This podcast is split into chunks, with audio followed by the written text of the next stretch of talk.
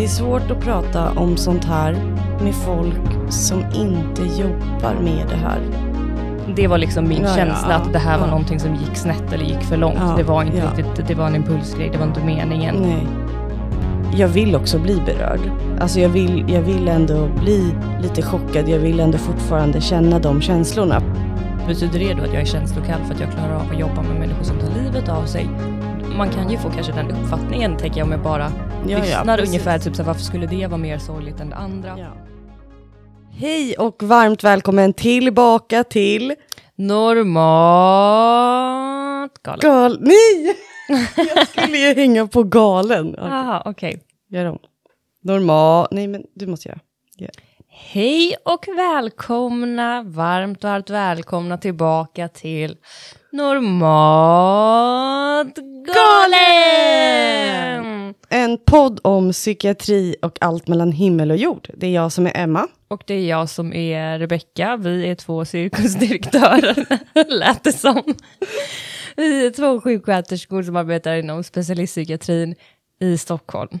Och väldigt trevligt som vanligt att ni är tillbaka igen. Vi glömde ju annonsera det vid förra avsnittet att eh, efter våran, liksom, vårat sommaravbrott där, att det här är ju en ny säsong. Ja, det här är ju säsong två i poddens historia. Ja, så ett lite försenat välkommen till säsong två av Normaltgalans historia. Hur mår du idag, Emma? Jag mår jätte, jättebra. Det är fredag. Det är helg. Jag ska inte jobba.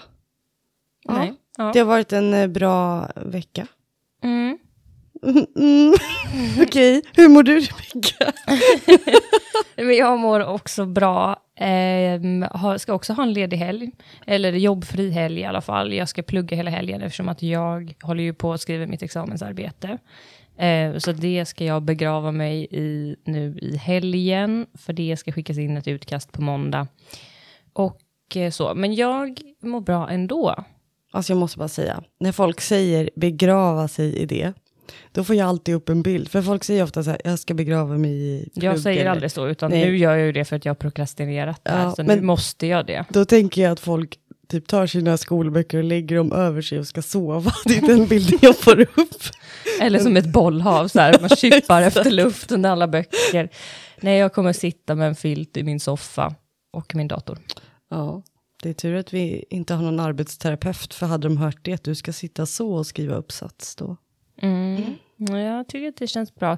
Men ja, det har varit en, jag har ju nu kommit tillbaka efter eh, semestern och jobbat två veckor. Mm. Så förra veckan och denna veckan. Och eh, det började ganska lugnt. Den här veckan har det varit ändå ganska mycket. Eh, men jag tycker ju att det är ganska, det är ju kul. Ja, det är kul och jag tänker att eh, vi i slutet av, in, alltså innan vi stängde vår avdelning, då var det ju väldigt lugnt i typ tre, fyra veckor på grund av också, eh, ni som har lyssnat innan, bajsincidenten. Ja, Ehm, så att jag tänker att eh, det känns ju verkligen som att dels så blir det lite alltid så här, vilken så här äh, catch-grej om man inte har lyssnat innan. Bara, va? Vad är då bajsincident? får man gå tillbaka och lyssna. Ja, jag tänker inte återberätta. Nej, men jag menar bara att då, då är man ju van. Och sen när det helt plötsligt blir väldigt mycket eh, att göra och väldigt svårt sjuka patienter, då blir det lite chock i början. Sen kommer man på att så här, det är så här det egentligen brukar vara. Mm. Och nu har ju vi kommit fram till att det de, nu har den här veckan satt standard för hur våran höst kommer att bli. Ja, man känner Lite det. så. Alltså, jag känner att jag blev lite så här efter att jag sa att men det är ju kul när det är mycket. Alltså det, jag vill inte att det ska feltolkas, för oftast när det är mycket så är det ju att vi har patienter som eh, mår väldigt dåligt. Så jag vet inte om det kanske blir lite konstigt uttryckt, utan det jag egentligen menar är ju att när det är alldeles för lugnt eh, och det händer sådana saker, typ som bajsincidenten och vi behöver liksom tömma avdelningen och det är massa andra saker runt omkring som man ska göra som egentligen inte är varför jag jobbar med det jag gör, då blir jag ganska uttråkad och rastlös. Men nu så händer det ju saker som liksom är, ja, jag får göra det som är anledningen till att jag har valt att jobba med det här jobbet. Ja, Och det tycker jag ju ändå är intressant. precis. Och jag är fortfarande höstpepp. Ja, vad bra. Det kommer nog lägligt, för nu tror jag verkligen att hösten kommer. Nu blir det kallt och mörk, mörkt. Mm. Du kom ju, hade ju med dig ombyte med cykelbyxor igår som du gick ifrån jobbet och en Ja. t-shirt för att helt plötsligt så var det varmt. Exakt, men det var nog, jag kände också sen att det var nog sista gången det var så Mm. för säsongen.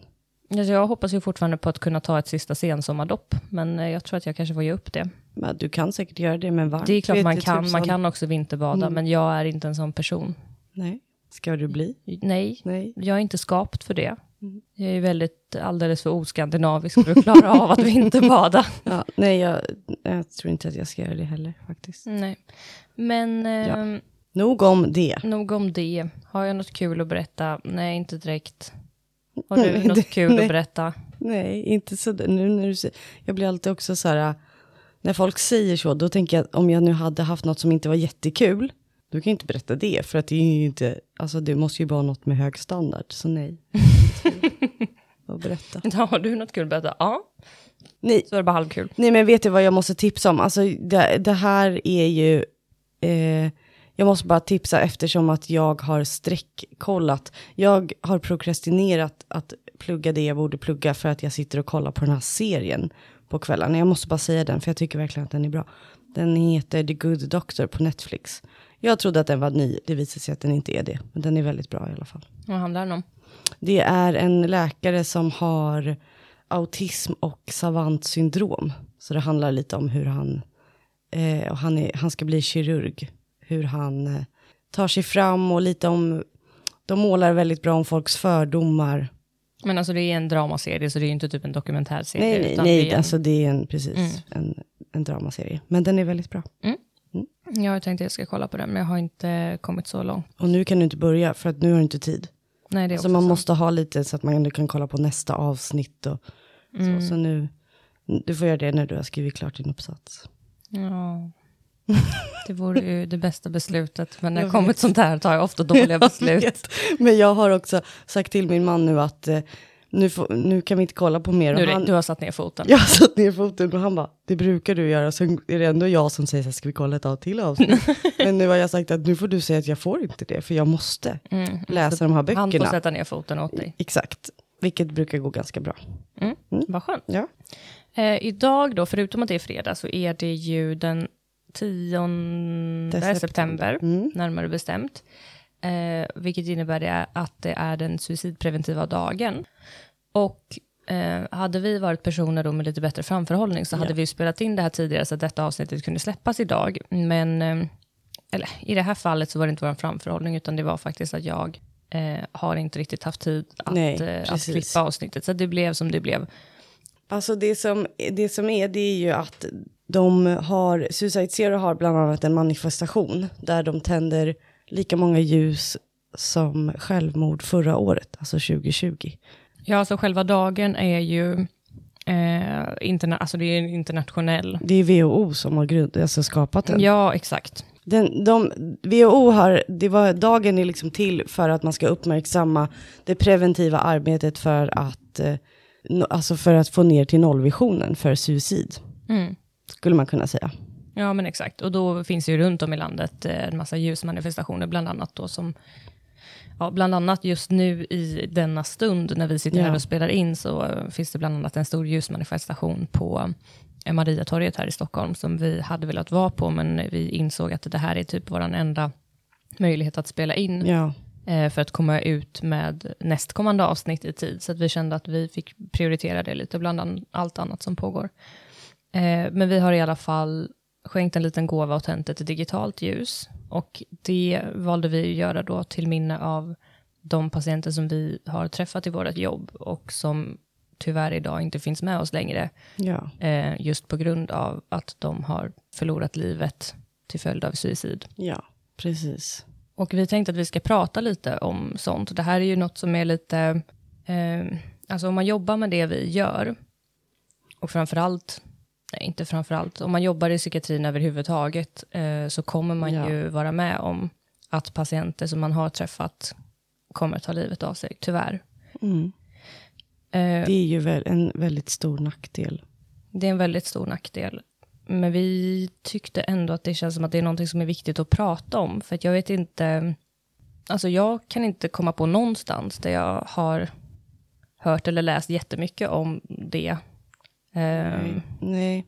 Nej, och jag tänker också att alltså, det, behö- liksom, det handlar ju också dels om att man ska våga prata om att det faktiskt, det finns ju många människor idag eller familjer där, där det kanske är så att en anhörig drabbas av eh, självmord, men där man inte vill och vågar säga att det var så. Mm. Alltså att, liksom att, ah, men den personen, nej men det var hjärtat, eller Ja. orkade inte med. Fast, och det kanske var så, men det kanske var till följd av en intox, eller liksom att man inte, man, man, det är liksom tabu, fortfarande tabu att, att prata om det, Mm. även om det har blivit bättre. Så jag tänker att det är också ett sätt att på något sätt göra det verkligt, för det händer ju hela tiden. Det är ändå över tusen personer per år i Mm. Sverige som tar sitt liv, och då är det ju, man räknar med att det är väldigt mycket mörkertal också, så att man Ja, alltså ju de som är inräknade i den siffran, det är ju de så kallat säkra självmorden. Mm. Så att man har ju räknat bort till exempel personer som har kört av vägen, där man inte, även om det är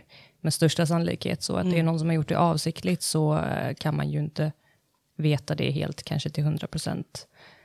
Eh, så de är ju borträknade, utan den här siffran är ju på säkra och självmord. Men jag tänker typ om man då, eh, om man kör av vägen och så hittas ett eh, avskedsbrev.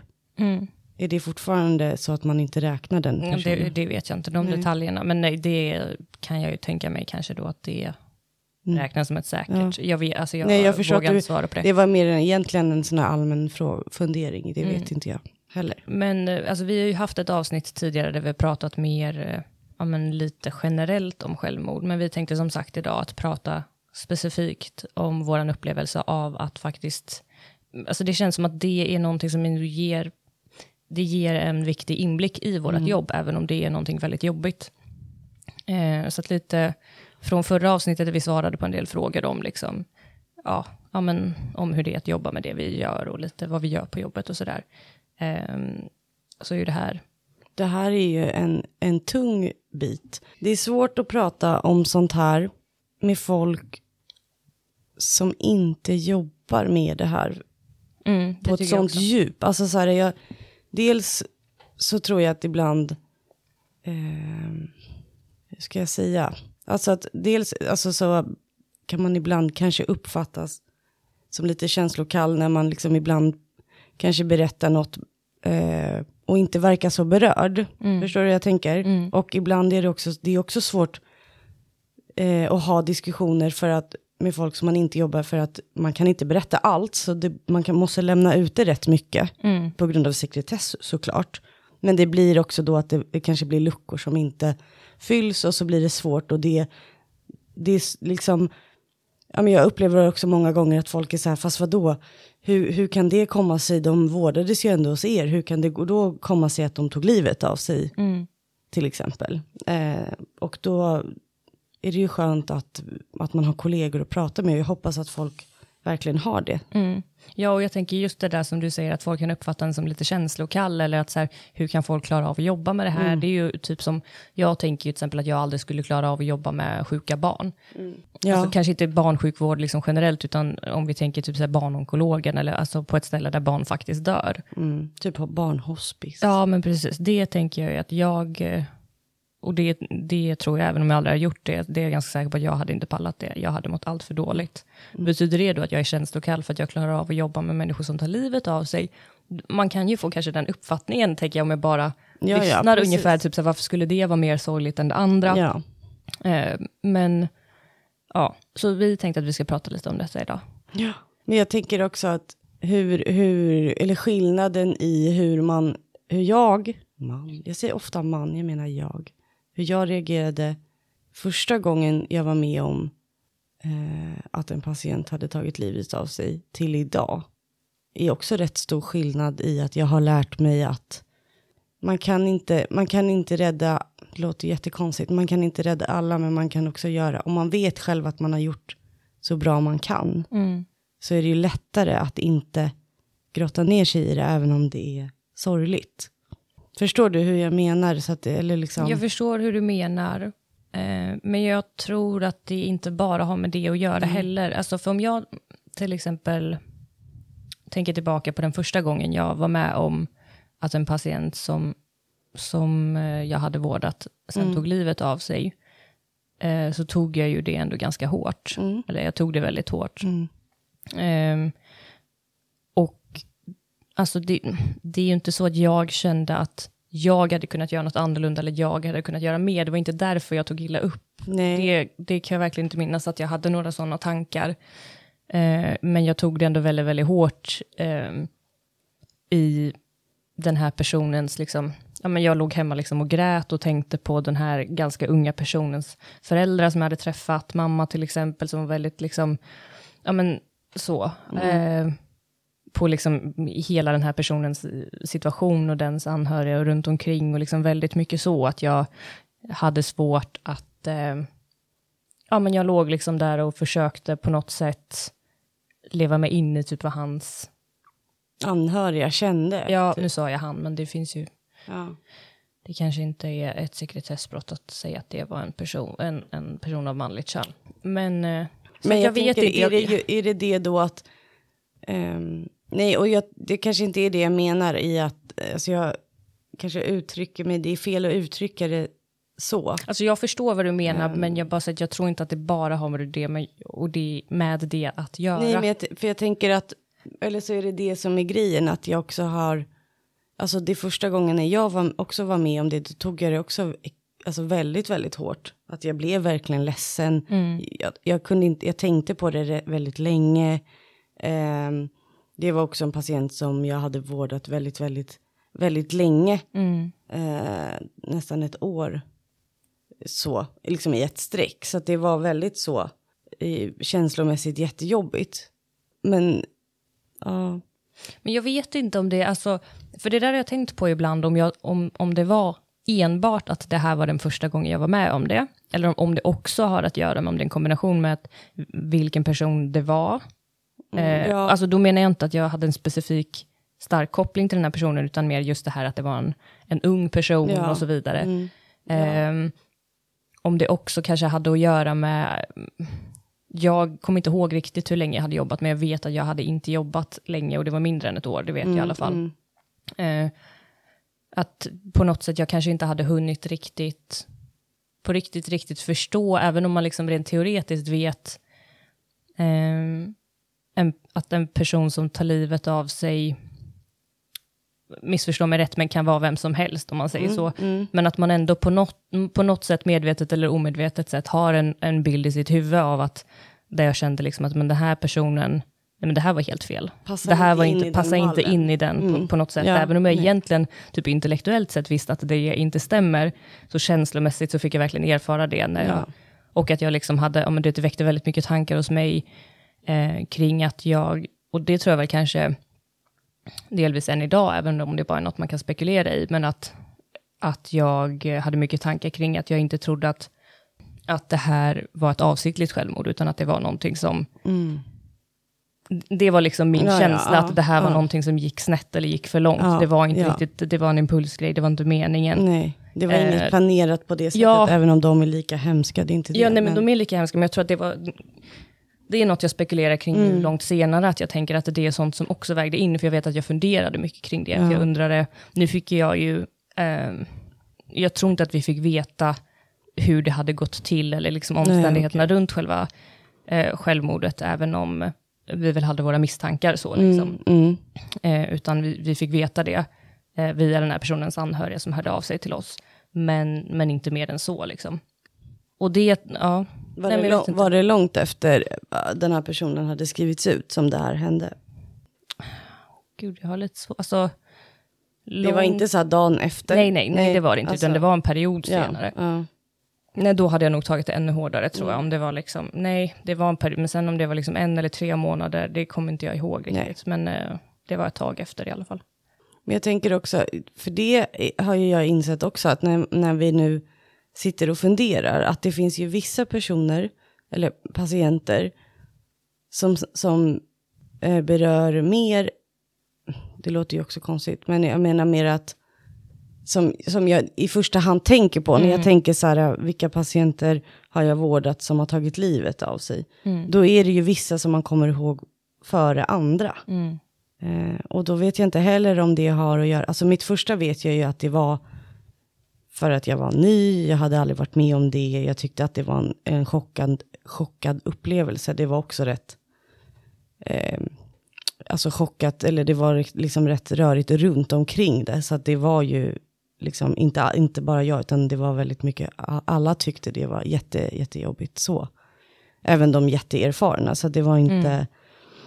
så. Men jag tänker också att vissa människor har man ju också tänkt att så här, dels har jag ju varit med om där jag har blivit helt chockad i att så här, jag hade aldrig kunnat tänka mig det, för mm. den här personen mådde så, hade blivit så pass mycket bättre mm. när de var inlagda och att det liksom gick bra, de gick till sina öppenvårdstider och sen kommer det fram att ja, men tre månader senare att den personen har tagit sitt liv. Att, och jag tror att det berör också mycket att, att det blir sån chock i att man verkligen inte trodde det, medan vissa patienter har det ändå varit så att man, det behöver inte ens vara avsiktligt, utan det kan vara att man har ett, ett sånt självskadebeteende att man vet att så här, det kan gå så snett, mm. även om det inte är meningen. Lite att det nästan blir lite, inte, det låter ju konstigt, men lite mer väntat, fast man gör allt man kan för att mot, alltså preventivt, men att självskadebeteendet i sig gör att det kommer kanske gå över ja, kanten alltså, ändå. Eller förstår du hur jag ja, tänker? Ju sjukare en person är, ja. det är klart att det innebär större, allt större risk mm. att personen också eh, faktiskt kan dö till följd av sin sjukdom. Så det är klart. Och jag tycker inte egentligen alls att det är konstigt att man blir mer berörd av vissa patienter än andra, för vi är också människor. Ja. Och så är det ju om du jobbar inom eh, alltså, no, vad som helst, det behöver inte ens vara vården, men där du faktiskt jobbar med människor överlag, att man, att man av olika skäl berörs mer av, ja. av vissa personer. Ibland vet man varför och ibland inte. Mm. Det kan ju vara en sån sak med den här första personen för mig till exempel, mm. att, att den var ganska liknande ålder som jag själv, vilket gjorde att jag då säkert relaterade mycket till hur min familj, alltså ja. vet att man ser framför ja, sig hur precis. sin egen familj hade reagerat och sånt där, så man mm. inte... Oj, nu puttar jag till något här. Um, så, och ibland mm. är det mm. helt andra saker som kanske no något som berörs i en som man egentligen inte riktigt vet vad det är. Och så är det ju med patienter, även som inte tar livet av sig, men som mår väldigt dåligt, att det handlar ju inte om att jag bryr mig mer om vissa patienter med de andra, men däremot så blir jag mer berörd av vissa, om man får en, en annan kontakt mm. med vissa. Eh, så. Och jag, ja, och jag tänker att eh, det är klart att man med åren blir luttrad i Alltså hur, att man kanske är, man är mer van vid att kanske höra att, att patienter, nu tycker inte jag, det är inte, jag tycker inte att det är jättevanligt att vi får veta att så här, nu har eh, någon patient tagit livet. Det är inte jätte... Nej, inte jätte, med tanke på hur många vi träffar. Nej, exakt. Det. Så det vill jag ändå säga. För nu, det kan få, man kan ju få uppfattningen om att det är många när jag säger att man blir luttrad. Jag menar inte så. Men, men jag tror att man blir luttrad i hur man ska handskas med det. För mm. berörd blir man ändå. Alltså jag tänker att, och det är viktigt att skilja på att jag vill också bli berörd. Alltså jag vill, jag vill ändå bli lite chockad. Jag vill ändå fortfarande känna de känslorna. För jag, det är som vi har pratat om med andra saker i psykiatrin, att när man väl slutar bli berörd, då tror jag inte att man ska jobba kvar. För, för då bryr, alltså, bryr man, jag hoppas, det gör nog folk ändå, men att man, det är liksom ingen, det är inget, inget så här, oh, nu har jag kommit över att jag inte blir berörd av sånt här längre. Det, mm. det är bra. Men man måste veta var gränsen går mellan att bli så pass berörd att man inte kanske klarar av det själv, att mm. jobba i psykiatrin. Alltså tänker som, som då att, som både du och jag den första gången, att man kanske låg hemma och grät, man funderade i dagar, man liksom gick runt eller liksom, mm. och funderade, att man, det, det tog upp väldigt mycket av ens tid. Mm. Skulle det vara så varje gång, då tänker jag att man kanske inte ska jobba just för att man blir det kanske blir lite för, det blir för jobbigt för en själv. Ja, och jag tänker också att om det blir så jobbigt fortfarande ja. efter år i yrket, då, då är det nog andra saker man kanske också tar, eh, alltså, som kommer en alldeles för djupt under skinnet också, än ja, bara suicid. Exakt, det är nog liksom eh, en kombo då, att det finns andra saker. Ja, jag tänker det ja. också, för att det är ju ändå så att är, vi, vi, tar ju del av väldigt, väldigt mycket. Ja svåra livsöden, även de som inte slutar i död. Och man måste hitta sina sätt att hantera det. Mm. Eh, och ibland så är det nog också bara så att oavsett vilka sätt eller inte, så, så är man inte liksom, skapt för det här jobbet. Eh, och det är inte, liksom inte någon prestige att Åh, jag och Emma är så himla bra för vi klarar av detta. Det är Nej. klart att det är jobbigt många gånger, men jag menar bara att som sagt, jag är inte skapt tror jag, för att jobba med sjuka barn till exempel. Nej. Och det gör väl inte mig till en sämre sjuksköterska, liksom. så det är väl lite samma här. Men Ja. jag håller helt med dig om att jag också vill bli berörd. Det skulle ju kännas otroligt obehagligt att känna sig likgiltig inför att någon överhuvudtaget tagit livet av sig, men framförallt någon man faktiskt har träffat, eh, vårdat, pratat med, Ja. liksom, försökt lära känna. Eh, Jag vet, och, jag, och jag tänker att det är viktigt att nämna, för ibland kan jag ändå, jag kan typ ändå uppleva att vissa personer nästan ser det som i en prestige att, eh, att man inte ska visa känslor i Mm. sånt. Det tänker jag att det, det måste man göra, eller måste, men jag tänker så länge jag blir berörd, eller när jag inte blir det längre, då tänker jag att då kanske jag ska tänka på att byta bana. Ja, jag håller med, för att ibland så känns det som att vissa saker är lite så här, du vet man, ehm, ja, men kommer in lite på det här med att ja, men det här är faktiskt ett jobb och inte ett kall, lite, eh, om man är inne på Ja. spåret det vi snackade om förra gången, alltså Mm. med, när vi pratade om lön och sånt. Eh, och det står jag ju för, liksom, att det här är mitt jobb, det är inte hela mitt liv, men men jag kan inte vara en bra sjuksköterska heller om jag förhåller mig till mitt jobb på samma sätt som jag skulle göra ja, men säg ett annat jobb där jag också faktiskt, vi behöver inte jämföra med något så extremt som typ en fabrik, utan säg att jag jobbar på ICA, jag jobbar i butik till exempel. Jag jobbar ju också till stor del med människor, eh, men eh, jag bör ju vara mer berörd av mina patienter än vad jag är med mina av mina kunder, om du förstår Ja, vad jag ja, menar. ja, exakt, jag kan ju vara en precis. duktig kassörska och service-minded eller på restaurang eller vad det nu kan vara. Mm. Eh, men inte bry mig ett skit egentligen om de som jag som de, de jag serverar, liksom, även om jag är trevlig mot dem. Men här är det ju ändå så att jag, jag bör bry mig om dem jag vårdar. Men man behöver hitta ett sätt där man inte bryr sig så mycket att det tar isär en, Ja. gång på gång. Precis. Ibland sen så kommer det ändå ske, som sagt, att man Ja. blir berörd av, av vissa eh, på ett djupare plan. Men, eh, men är det hela tiden så kommer man ju gå under. Ja, jag tänker precis. Så det är ju en balansgång liksom. Men jag tänker också att det är väl därför just sådana här eh, dagar till exempel också är, är väldigt viktiga. Alltså att man faktiskt, att det faktiskt är WHO, alltså Världshälsoorganisationen som har skapat den, att de faktiskt, att det faktiskt är viktigt med suicidprevention. Och inte bara i att ah, det finns heldygnsvård, utan att det finns liksom i samhället, att man pratar om det, att man diskuterar nu, till exempel såg jag häromdagen, det var att så här, ska man införa psykisk ohälsa som typ något ämne i skolan? Ska man inte? Vad är fördelarna, vad är nackdelarna? Det kanske kan hjälpa. Alltså, Och att det faktiskt kommer från sådana stora organisationer, det känns ju ändå bra i hjärtat Ja. att vi vågar, att vi börjar prata om det. För jag menar det här, såna här, såna här dagar fanns ju inte för 20 år sedan. Nej, det gjorde det nog inte. Men brukar du eh, få alltså fundera kring ibland, eller få tankar på alltså patienter som vi har träffat innan? Eh, ja, alltså rent krasst på om de lever längre eller inte. Alltså brukar du få sådana tankar ibland, om det är någon som man har? Alltså som vi har vårdat som sen, mm, absolut. Ganska ofta tycker jag. Det kan ju också vara, ja men det är ju ofta patienter kanske som man dels har vårdat väldigt mycket under period, att de kommer in frekvent. Och sen inte gör det.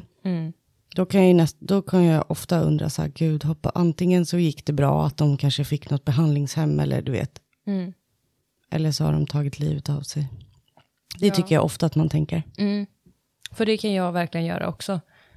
Och det är ju en väldigt så här, eh, det är ju en väldigt konstig känsla och undran att ha, för att man Ja. hopp, jag hoppas ju på att jag aldrig kommer få veta. Eller alltså, i så fall skulle det ju vara att okej, ja men den mår sämre igen, och så träffas man igen, även om det, den fortfarande är i livet. Men samtidigt så kan jag ju inte gå och hoppas på det heller, bara för att få veta att den inte är död, för det innebär ju samtidigt att den uppenbarligen inte mår bättre, eller ja, den kan ju må bättre fast inte tillräckligt bra. Så är det ju ibland, att det är någon som Ja, har ja. mått väldigt, väldigt dåligt och inte behöver ligga inne på länge. Eh, och livet ändå har vänt till det bättre, trots att man får en dipp och behöver liksom lägga sig in igen. Det behöver ju inte vara katastrof. Men, men som sagt, det är en väldigt eh, splittrad liksom, så här, undran eller känsla att ha, just för att man, man vill veta, för samtidigt hoppas man på ett sätt att man aldrig får veta, för då kan man ändå tänka att, att det nog gick bra. Att det är någon som har fått må bättre eller som kanske har flyttat bara någon annanstans eller, Mm. eller så. Det är ändå apropå det att man brukar tänka och, sådär. Då var det en patient som jag vårdade till och från jätte, jättemycket. Som sen inte vårdades. Liksom, kom inte in, behövde väl inte vård. Och jag vet att vi funderade på, på så här, har den här patienten eh, för, liksom, tagit livet, men gud vad har hänt och så, och så. Och sen gick det kanske typ två år. Sen satt jag och fikade med en kompis på stan. Eh, så helt plötsligt kommer det fram en tjej som inte jag, jag kunde liksom inte koppla. Men hon, hon sa så här, hej Emma, åh gud vad härligt att se dig. Sen inser jag att det är den här patienten. Och då liksom berättar ju hon att det har gått jättebra för henne och hit och dit. Och det kom, jag kommer ihåg känslan efteråt att jag också var så här, åh tack. För att jag tror typ att alla som hade liksom vårdat henne Mm. trodde nog att hon faktiskt inte levde längre. Så det var, oj, nu tappade jag en grej. Det var väldigt, väldigt fint att se. Mm. Så ibland när jag tänker på, på patienter, då kan jag nästan vara så här, gud jag vill bara se dem vid busshållplatsen. Alltså så här, bara för att man så här, ja där var de. Ja, jo, skönt. men exakt. Det, ja, men det, Ja. Alltså, det kan man Ja. hoppas på att man ser dem i Exakt. verkligheten, men man vill ju inte hoppas på att man ser dem på jobbet. Nej, inte på det, jobbet. Det Nej. känns ju hemskt. Men just bara så här, eller du vet, en förnimmelse på att man bara, men gud, och sen så, ja det var det, skönt.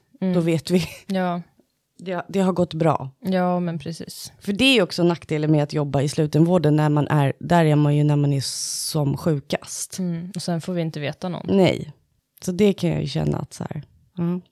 Det är ju lite jobbigt. Mm. Alltså just de där framförallt, det är klart att man kan vara alltså, lite så här förhoppningsfullt nyfiken på vissa där man verkligen tänker Ja. att det här gick bra. Ja, absolut. Men just de här där man är, ehm, Där man, blir min, där man är mindre säker. ja, när man är mindre säker, Mm. precis.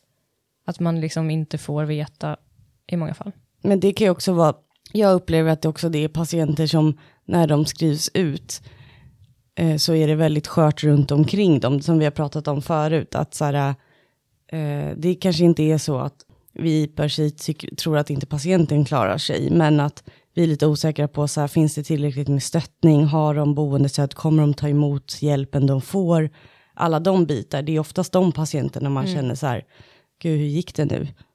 Eh, Alltså patienter som, som går hem och man vet också att de har en engagerade anhöriga, de går ändå till sin öppenvård, de tycker att det går bra där. De är jag inte lika benägen till att vara oroliga för. Nej, inte jag heller. Även om man ju, ja. Nej, jag håller med. Okej, men i de fall som det väl händer sånt här. Ja. Alltså du, som ju ändå är chef, har lite bättre koll än jag på eh, vad, hur, vad som liksom händer egentligen i de fallen. Alltså både, var, varken du eller jag har ju varit med om att någon har tagit liv sig, livet av sig på, alltså avdelningen. under inneliggande tid på en avdelning där vi har jobbat på, utan det här har ju varit eh, patienter som har tagit livet av sig mer eller mindre kort tid efter att de har vårdats på vår avdelning. Mm. Ja, precis. Men jag tänker både i de fallen där det sker att någon tar livet av sig på avdelningen, Mm. eller, eh, eller de här liksom utredningarna och så vidare som sker om det är i nära anslutning till att ha vårdats på en avdelning. Vad, vad är det som liksom händer och vad kan man få för stöd och vad, Ja, hur alltså ser de bitarna ut? när det händer på en avdelning till exempel, då finns det i alla fall i Region Stockholm så har vi sådana här, alltså krisjour dygnet runt, alltså att de kommer ut, det spelar ingen roll vilken tid på dygnet, men det är liksom utomstående konsulter som jobbar med just krishantering, som kommer ut och eh, eh, samlar personalen, de som vill, det är aldrig, man tvingas aldrig till det, men att man uppmuntrar att det är bra att vara med i just det för att liksom få prata om det som har hänt på plats, typ. Det är liksom på den nivån. Alltså är det liksom då typ samma dag det har hänt, eller Ja. är det några dagar senare? Nej, de, det här är första liksom steget. Då kommer de direkt, typ samma, alltså inom några timmar. Ja. Lite beroende på vilken tid på dygnet, tror jag. Men, eh, men det som är, det är ju alltid att man har en så kallad så här, eh, retrospektiv, spe, spektiv, spektiv, retrospektiv genomgång, heter det. Och då är det ju att alla som är, har varit inblandade i patientens vård, jag tror att det är så här inom de närmaste tre månad, månaderna eller något sånt, eh, blir inbjudna att liksom gå, gå in och då är det att man granskar journalen, man går igenom vad som har hänt innan, eh, man pratar om vad man har gjort. Och oftast är det ju för att, för att också se, eh, har vi kunnat förebygga så mycket som vi har, eller har vi gjort allt det vi, vi hade kunnat göra Mm. eh, för att förhindra det här, då handlar det ju om att hade de en öppenvårdstid när de gick, blev utskrivna, eh, kom de till den om de hade en, kom de inte. Det är inte att man ska skylla på någon, men ibland kan det vara skönt att gå igenom, jag har varit med om en sån en gång och då, det är att man liksom går igenom, för oftast får man ju också svar om man då sj- själv sitter på att så här, gud gjorde vi allt vi skulle, hur gick det, man blir så berörd att man sitter och ältar sånt. Då är det väldigt bra att vara med på sånt här, för att man får ofta fram att man har gjort väldigt mycket och att det hände ändå.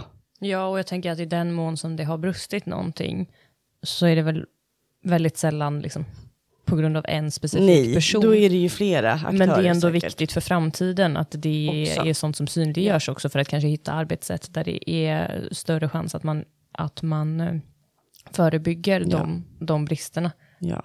Men sen blir, och sen blir ju alla erbjudna att gå till företagshälsovården. Alltså längre, de här, det här krisstödet är ju bara kort, liksom korta insatser, men att man kan gå till vår företagshälsovård och eh, få prata med någon några gånger.